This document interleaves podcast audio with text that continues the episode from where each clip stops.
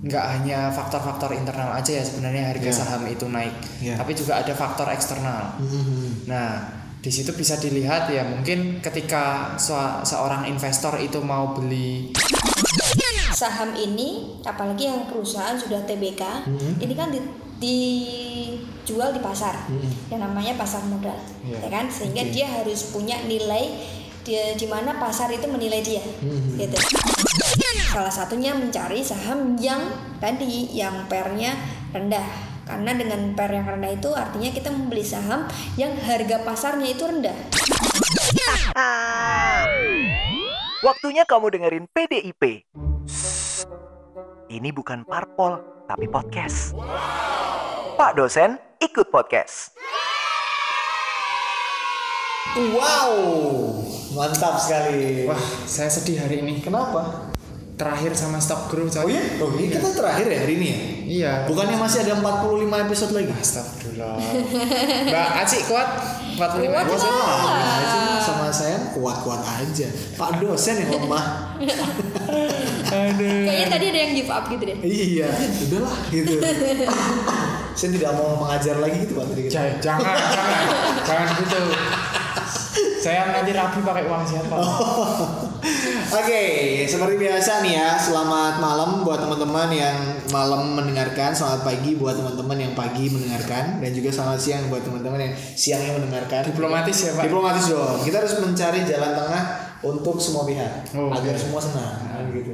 Nggak Keadilan sosial Bagi seluruh. bagi seluruh warga good looking. Good looking. Kalau yang di Twitter kan lagi ngetrennya begitu. Iya, oke. Heeh. Sekarang udah bukan good people. ya? Bukan, good Good looking looking. sekarang.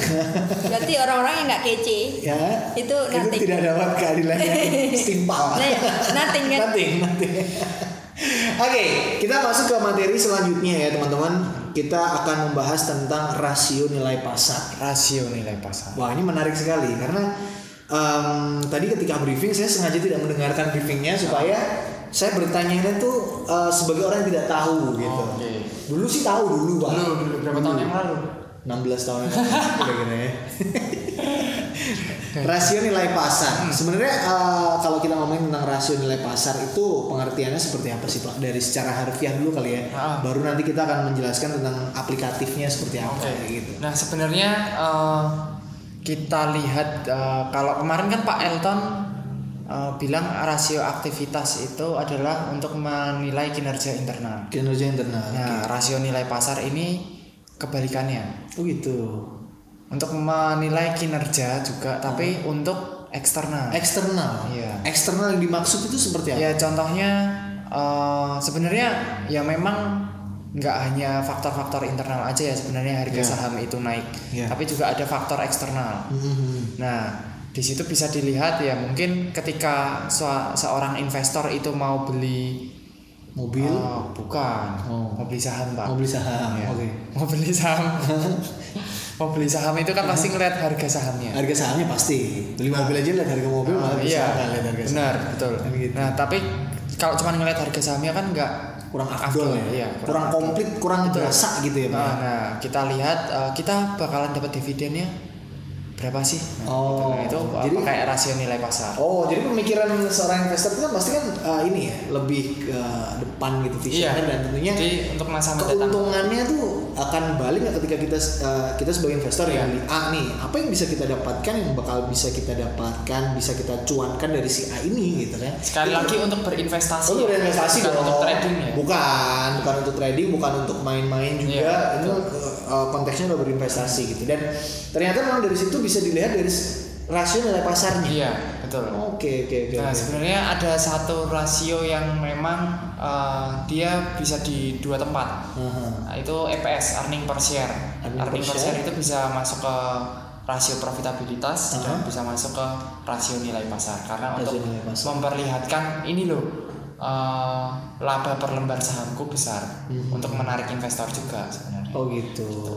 Cuman nih Pak, eh, berarti kalau misalkan rasio nilai pasar ini lebih ke ini ya, lebih ke bagaimana eh, investor melihat sebuah perusahaan itu gitu ya. Iya, jadi sebenarnya rasio nilai pasar itu adalah membandingkan harga saham terhadap apa ya enaknya eh, resikonya sebenarnya. Oh gitu. Nah, resikonya itu dalam artian ya mungkin eh, labanya besar atau kecil. Nah, kalau labanya besar kan resikonya kecil. Hmm. Kalau labanya kecil atau bahkan rugi Minus. itu kan resikonya besar kan kayak gitu ya. Iya, seperti itu. Jadi Menarik sekali. eh, bisa dilihat harga pasarnya eh, terhadap labanya itu sendiri. Oke. Nah, kalau mau ngeliat harga pasar saham, eh, ya mau nggak mau mahasiswa harus buka di IDX. Bisa. Nah, Di situ bisa bisa. dilihat nanti tahun 2017 berapa, 2018 berapa. Atau Biar di- mereka cari. Di Gitulah. Google gitu ada banyak. Iya, searching Google langsung dapat Oh, oh. sebenarnya. Di Orang wall- pakai aplikasi investor. aja langsung keluar. Iya, Wallet investor juga. kan bisa ya? Bukan. Bukan.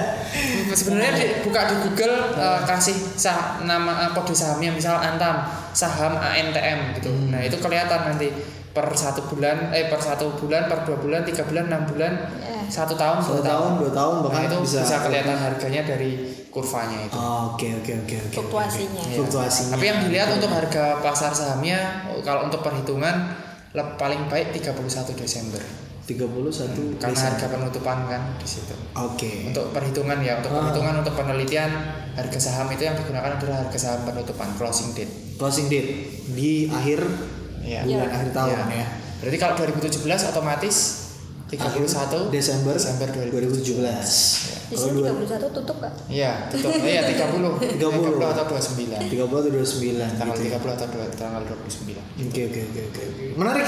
Ini menarik ya teman-teman juga. Kalau misalkan teman-teman pengen lebih tahu tentang rasio nilai pasar nanti kita juga akan uh, menjelaskan tentang cara menghitungnya juga gitu kan dan tentunya juga kita di sini masih bersama Mbak Aci juga. Gimana Mbak Aci kabarnya sehat? Kenyang. Nah, Kenyang. Tadi kita? kita habis makan mangga dua biji luar biasa Dimakan ber berempat. berempat. Kan ada lagi berdua. Masih ada 54 biji lagi. ya. Dimakan berempat. Luar biasa memang. Itu jadi dagang panen. mangga Panen. pokoknya. Ini juga bisa dihitung dengan rasio nilai pasar ya untuk mangganya. berarti ya. Bagaimana cara kita menghitung ah, ini keuntungan ketika saya memilih mangga ini keuntungan yang bisa kita dapatkan apa saja? Mangga nggak ada keuntungannya, Pak. Lo kan kenyang Oh iya. Kenyang bisa bervitamin diukur. Nah, diukur kan Quality. Quality. Nah, diukur dari muka. Dari muka. Kalau bekok berarti kenyang.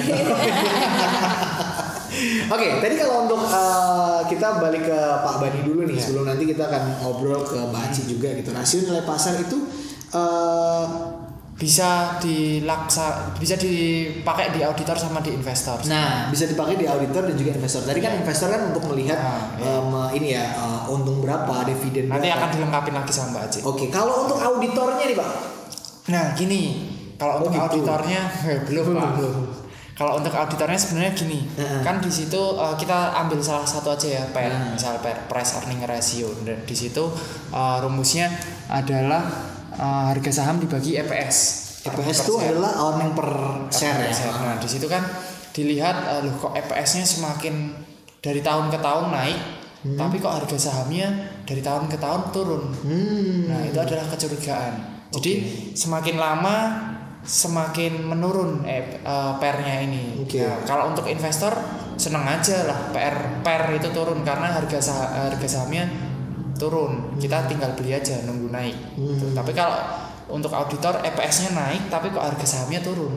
Oh, gitu. Kenapa? Nah itu bisa dicurigai mungkin ada uh, income smoothing atau Oh. manajemen laba Oh. yang ilegal. Sebenarnya ada manajemen laba yang memang uh, diperbolehkan tapi ada yang tidak diperbolehkan. Yang tidak diperbolehkan itu namanya income smoothing. Income Nah, smoothing. income smoothing ya selentingan aja ya. Ah. Income smoothing itu, itu, Pak? setiap tahun metode akuntansinya berubah. Contoh dari misal depresiasi tahun ini garis lurus, tahun depan saldo menurun berganda, tahun Oh, depan garis lurus berubah-ubah. lagi, berubah-ubah Berarti untuk tidak- mendapatkan laba yang maksimal. Oh, padahal itu tidak sangat, sangat tidak dianjurkan ya. Nah, itu. harus jadi orang itu harus setia, loyal. Nah, perusahaan juga harus seperti itu. Ah, oke. Konsisten itu penting, ya kan? Jadi kita mendapatkan sesuatu dengan konsisten. Saya lebih muka. Anda ngomong setia kok kepengen ketawa ya Pak. Kenapa gitu? Hah? Saya tuh setia loh. Saya setia. Pasangan saya yang tidak setia. Dulu. Ya. Oke, lanjut lagi. Tadi ada eh, per ya. Ah, Pak. Price earning ratio yang di mana menghitungnya itu menggunakan harga saham dibagi EPS. EPS atau EPS gitu. Itu nanti akan kita bahas setelah Mbak Aci. Oh gitu. Oh ngitungnya berarti nanti ya. Yaudah kita langsung ke Mbak Aji aja kalau begitu. Karena kalau Pak Padahal Beni saya nunggu dia ngitung. iya, juga. Jangan semutnya gitu ya, Mbak ya. Tapi nggak apa-apa lah. Yang punya podcast Pak Bani soalnya. Oke. Apalah saya ini hanya asdos saja. Mbak Aci, eh, kalau dari segi investor nih tadi rasio nilai pasar selain tadi yang sudah disampaikan oleh Pak Bani tentang bagaimana eh, investor itu bisa melihat keuntungan dari sebuah perusahaan melalui rasio nilai pasar, terus apalagi sih biasanya yang digunakan oleh investor untuk apa ya melalui si rasio nilai pasar ini gitu. Eh, sebenarnya tadi ngelengkapin aja sih, mau ngelengkapin aja. Eh, jadi pandang eh, kenapa sih harus ada rasio nilai pasar, Iya. ya kan? Karena eh, saham ini, apalagi yang perusahaan sudah TBK, ini kan di- dijual di pasar, yang namanya pasar modal, Iya. ya kan? Sehingga dia harus punya nilai dia di mana pasar itu menilai dia gitu. Nah itu yang dijadikan sebagai patokan gitu. Bahwa si perusahaan ini gitu kan eh, apa nilai pasarnya itu seperti apa? Atau gimana Eh, pasar menilai gitu ya si eh, mudahnya pasar itu bisa dapat informasi yang tepat gitu ya eh, terhadap perusahaan ini itu dengan rasio apa? Sehingga pasar itu bisa mengambil kayak keuntungan lah dari situ gitu. Oke. itu sebenarnya dari situ Mak- makanya namanya kan eh, rasio pasar. Hmm. Maka, eh, biasanya ada dua eh dua apa tiga biasanya ada beberapa sih teman biasanya yang sering itu pakainya PER ya ya. eh, price to earning ratio, Ratio, ya hmm, kemudian ratio.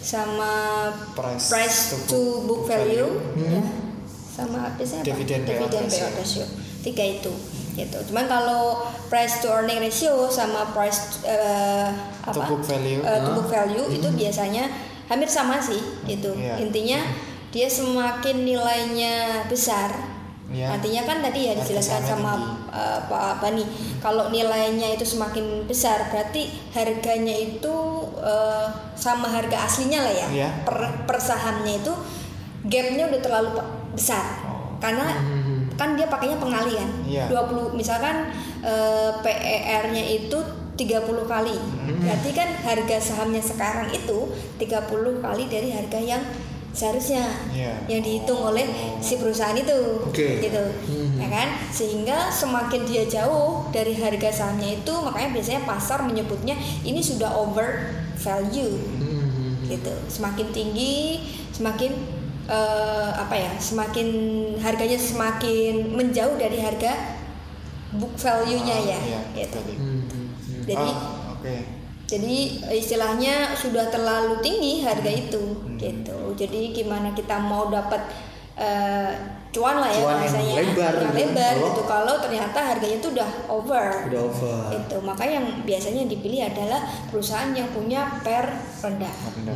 Kalau udah over value gitu, biasanya perusahaan bakalan split nggak sih mbak?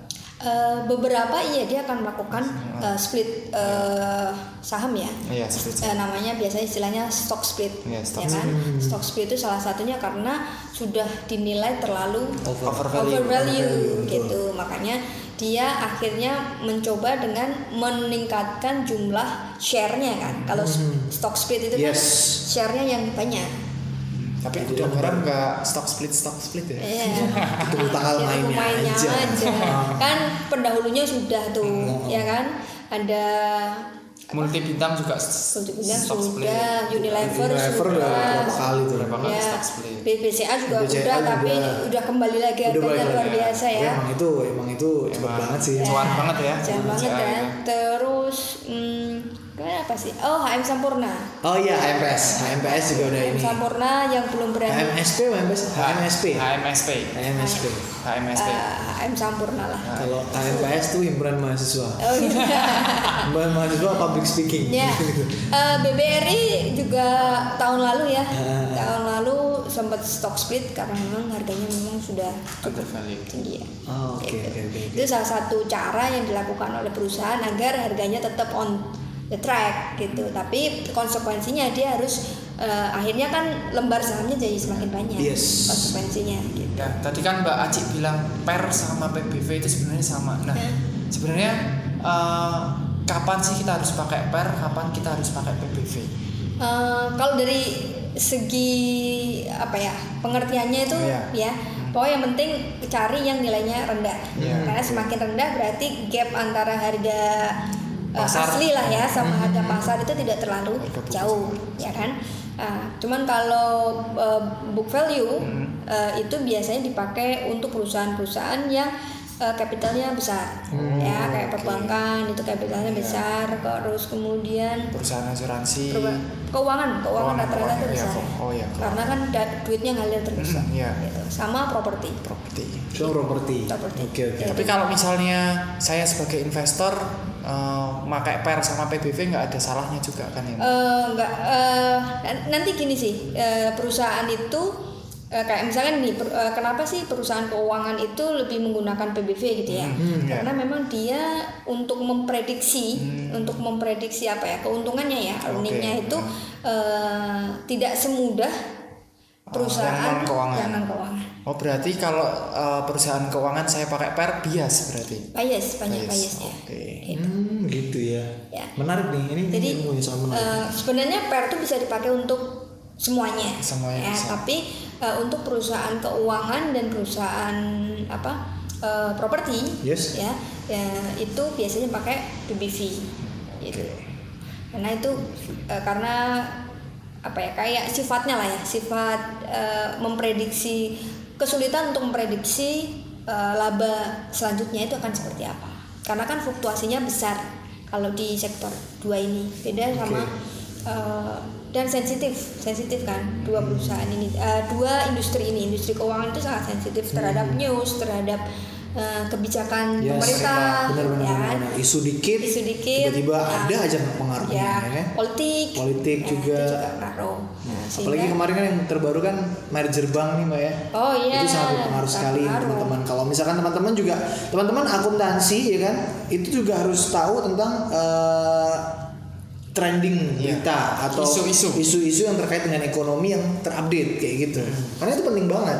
Serius. Sebenarnya itu ada relevansinya kalau kalau ini ya maksudnya gini kalau teman-teman akuntansi itu mau agak eh, agak mau mikir agak jauh gitu ya. Yes. Sebenarnya itu ilmu akuntansi itu dijadikan sebagai eh, salah satu eh, perusahaan dalam menetapkan strateginya ke depan itu mau seperti apa Hmm. gitu. Justru kekuatannya itu di eh, apa laporan keuangannya seperti apa gitu. Itu itu itu eh, artinya further ya. Nah, kalau teman-teman di akuntansi itu eh, biasanya akan punya keahlian lah ya. Semacam eh, basic keahlian. Yes. bisa memprediksi sebenarnya perusahaan ini itu nanti strateginya cocoknya seperti apa sih? Hmm. gitu. Jadi kalau teman-teman ngambil eh, S2-nya nanti di finance. Yes. itu akan akan ke situ. Akuisisi merger itu biasanya dilihat dari laporan keuangan Oh. Nah, nyambung, uh, Nyambung. dari Mbak Mbak Mbak Aci Aci, ini hmm. tadi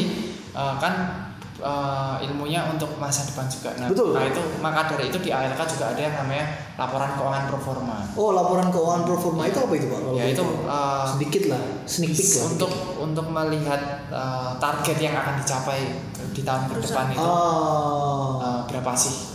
oke ini menarik ya. Itu makanya eh, kalau tadi kita ngomong sekarang kan lagi heboh nih Yes. merger eh, Bank- apa bank syariah ya, Bank Syariah. Bank syariah BUMN Hmm, ya kan betul. dijadikan satu semuanya. Hmm. Pasti dilihat dong eh, kenapa dia diputuskan merger gitu kan. Betul. Nah, siapa sih yang menjadi holdingnya nanti? Ya kan, kan Betul. ada, ada tiga perusahaan tuh Yes. ya kan BUMN itu. Siapa yang eh, karena kan ini udah punya nama masing-masing. Bahkan Hmm. yang punya nama yang besar pun belum punya eh, belum publish kan, belum Ya, TBK kan betul. gitu.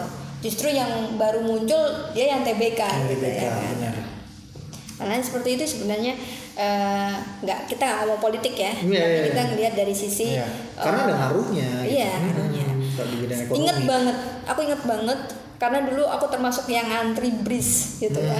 Bank Syariah, Hmm. Bank Rakyat eh, Bank Syariah. BRI Syariah itu BRI Syariah. pada saat dia IPO itu harganya cuman 512. Per, Oh. per lembar per lembarnya. Per lembar. Ya. Terus koreksi sampai kemarin pandemi sekitar 200. Hmm. Dia iPhone juga nggak bukan termasuk yang udah lama kan ya? Kayak Itu masih baru baru dua kan? tahun, dua tahun. Baru dua tahun. Dan Ah. satu dua tahun lah ya, Oke. satu dua tahun. Dan waktu ini ini eh, es ini aja buat buat teman-teman yang suka Iya. suka dengan eh, Insight lah. eh, insight buat teman-teman yang Suka, suka berinvestasi. berinve- bukan berinvestasi justru gini orang yang melihat bahwa berinvestasi di pasar modal Aha. di saham itu adalah judi Aha. ya itu salah Nah, salah gitu kenapa karena bank syariah itu kemarin eh, bank eh, bank BRI syariah itu ya BRIS itu kemarin yang borong eh, Ustadz Tenar loh. Hmm, iya. Ya kan? Tahu. Ustadz Tenar yang di mana dia eh, hampir eh, semua komunitasnya itu beli pengelolaan pengelolaan keuangannya itu dibelikan saham ini. Jadi sekarang lagi lagi cuan besar banget tuh. Besar banget, berapa besar banget. berapa miliar waktu itu dikucurkan di situ. Oke. nah itu artinya tarik jadi ustad eh, jadi Ustadz apa jadi investor Investor aja. Salah ngomong ya jadi itu artinya gini lap- eh, kita nggak bisa ngelihat Hmm. eh, misalkan gini ya eh, ada saham nih Hmm. baru IPO gitu kan kadang kan langsung bisa naik berapa ratus persen gitu kan nah, itu ada yang seperti itu biasanya nanti akan turun Hmm. tapi ada juga saham yang dia IPO bukan yang naik tapi justru malah turun Turun. Eh, tapi di di kemudian hari dia akan melejit Ah, nah itu. jadi Siklusnya kayak gitu, kebanyakan kayak gitu ya teman-teman. Kalau misalkan mau cari uh, mau main di saham yang IPO ya harus berani begadang Ya, ini tahu atau lah. standby lah Ya. pokoknya lah karena sekalinya anda ketinggalan wah anda akan tertinggal melejit berapa persen pasti ya Ya berarti kalau 200 kemarin 200 sekarang udah cuan berapa ya? oh, banyak banget 1400 terakhir. sekarang uh, eh sekarang lebih 1300 Oh. wow Kan? 1300. kamu nggak Ya, punya udah. bris Enggak, nggak punya duit pak udah habis Padahal Saya dia habis kemarin mengumpul bris loh. Ah, Dari harga berapa? 200 atau 300? dari tig- 300 sampai kalau nggak salah 300. terus dijual ke 400. 400 sampai 500an lah pokoknya Iya, dia habis itu dia takut. Eh, sekarang 1400. saya sempat turun shoot gitu kan tiba-tiba Iya. lah lah lah lah daripada saya uh, kena macet ARB ya kan saya sering banget Coba tahu itu. kalau dia mau merger ya. Nah.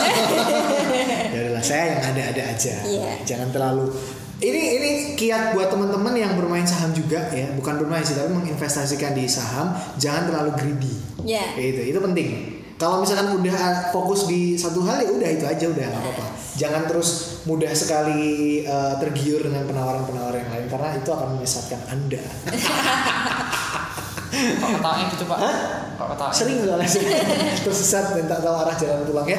Oke tadi kan udah nyebutin soal pi, pi- apa price to book value terus juga uh, apa namanya tadi Price uh, to earn. per atau price earning Rasio.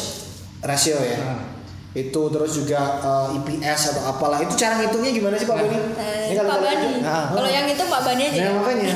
Rasio nilai pasar itu sebenarnya ada empat. Kan Ada empat. salah satunya ada EPS gitu itu tadi. Nah sebenarnya EPS itu udah kita bahas kemarin di profitabilitas kan. Jadi kita skip aja. Kita skip. Tapi kalau misalkan lupa mahasiswa mahasiswa. Ada modul digital. Oh siap.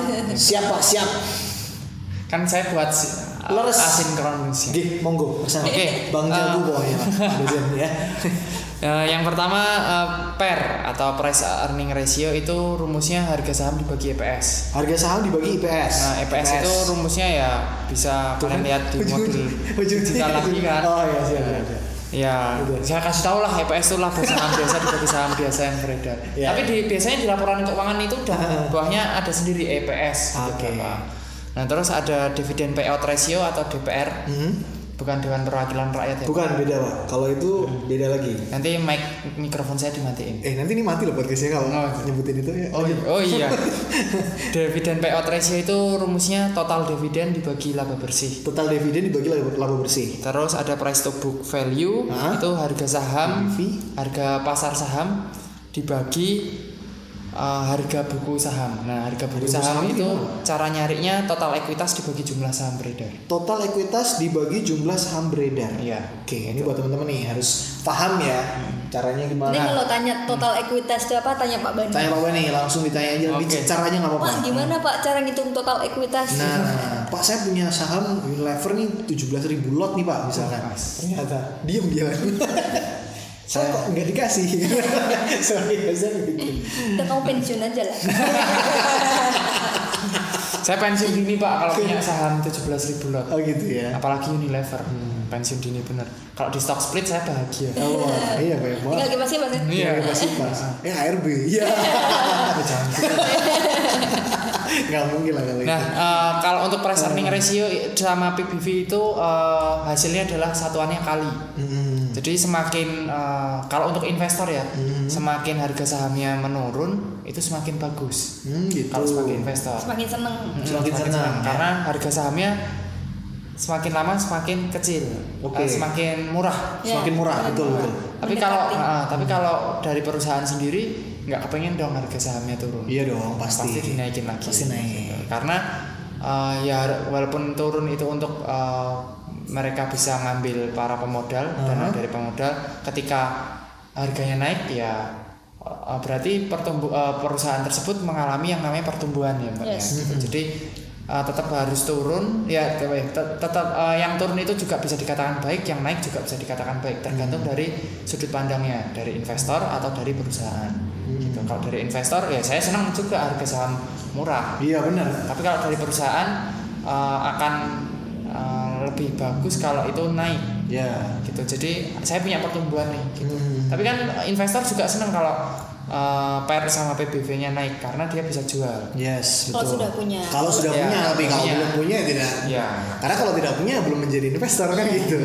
Nah kalau untuk dividen payout ratio rumusnya total dividen dibagi laba bersih Hmm. Itu semakin besar persentase dividen payout ratio Hmm. akan semakin bagus karena di situ kan eh, total dividen dibagi laba. Hmm. Nah jadi kalau persentasenya misalnya di atas 50% Hmm. berarti dividen yang didapatkan dari laba perusahaan itu yang akan dibagikan oleh perusahaan itu sebesar 50%. Oke. Siapa yang nggak mau kan kalau dividennya di atas 50%? Iya pastinya, pastinya.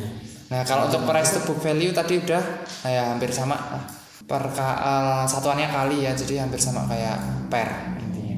Bisa merepet. Oke, menarik sekali nih ya, teman-teman. Kalau masih belum jelas, bisa dibuka modul digitalnya. Terus juga bisa dipahami. Kalau memang ada pertanyaan, bisa langsung ditanyakan ke Pak Bani. Atau mau bertanya kepada asisten dosen, boleh. Boleh banget ya. Mau nanya apa pak? Apa ini soal Oh, saham ya kan investasi. Tanya ke saya boleh nggak apa-apa, tapi at least ya kita nongkrong di mana lah. Terus kita dibayarin gitu. Enggak, enggak dibayarin. Yang bayar Pak Bani tetap.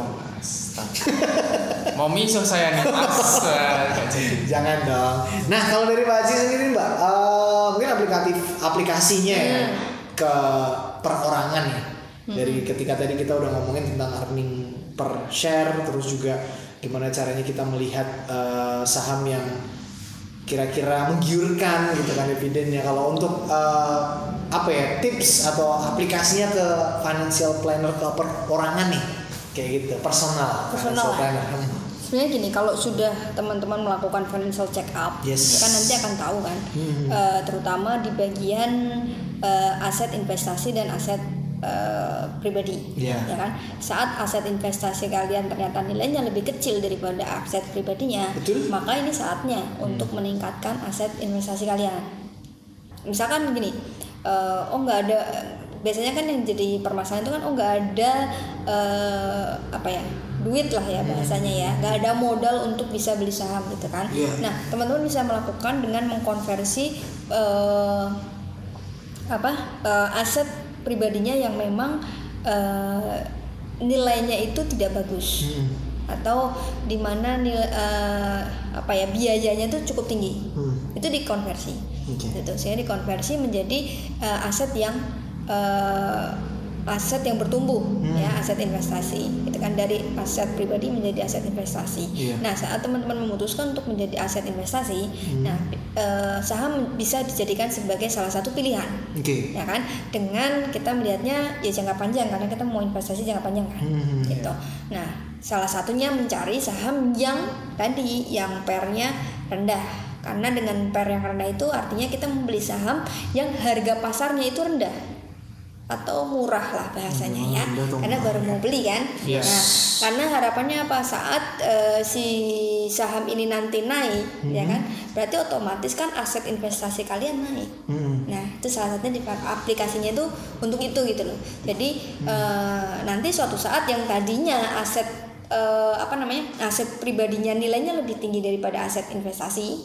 ya suatu saat bisa berbalik. Kalau kita punya portofolio yang bagus, kita beli saham-saham yang murah, gitu. Itu aplikasinya di personal finance. Jadi salah satunya ya kita mencari eh, saham ya kalau teman-teman uh, pilihannya adalah investasi uh, aset investasinya adalah saham saham yang di mana uh, pernya itu rendah Gitu. karena itu nanti uh, apa ya akumulasi atau akselerasinya cepet Oh.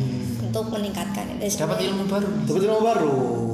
Oke, kalau teman-teman juga penasaran gimana sih caranya mencari yang eh, pernya rendah atau cara menghitungnya atau cara melihatnya, memantaunya dan lain sebagainya gitu kan bisa langsung bertanya ke Stokgro saja. ya Kalau perlu jadi membernya lah. Jadi membernya Stokgro juga boleh banget. harus Harus ya, kita belajar nanti bareng teman-teman bisa tahu Betul. kalau di Stockgrow itu soalnya kita per berapa bulan Mbak dikasih target Eh, enam bulan atau satu tahun Enam bulan satu tahun gas target. kasih target. Jadi target kekayaanmu berapa nah? Nah, jangan kayak dosennya. Kenapa? Kekayaannya kolesterol. Wah. Keuangannya kolesterol. Bapaknya. iya nggak tobat-tobat ya iya, dari awal loh gitu. Soalnya utangnya belum selesai Pak. Oh, nggak apa-apa, nggak apa-apa. Oke.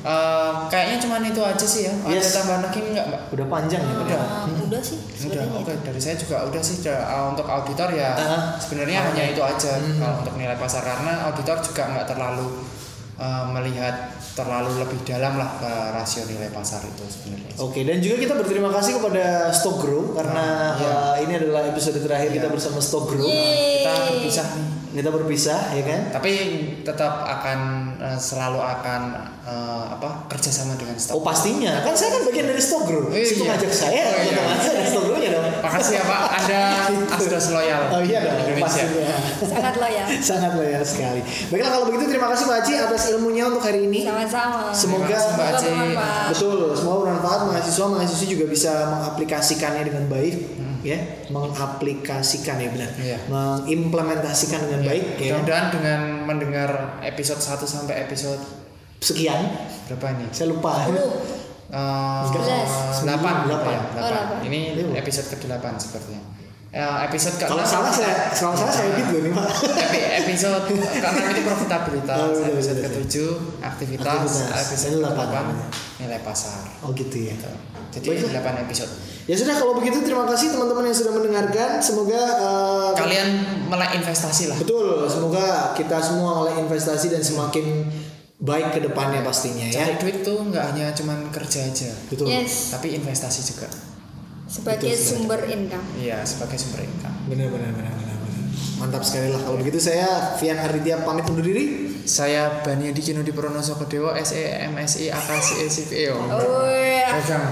Itu Doa, doa Pak, doa. itu nama mantra gaib. Terima kasih juga Mbak Mbak. Aci. terima kasih Terima kasih banyak. Sampai ketemu. selalu buat semuanya Iya. Siap. Sampai ketemu lagi di lain waktu dan tentunya kita pamit. Wassalamualaikum warahmatullahi wabarakatuh. Sampai jumpa. Eits, jangan sampai ketinggalan di episode selanjutnya ya. Sampai ketemu lagi. Bye-bye.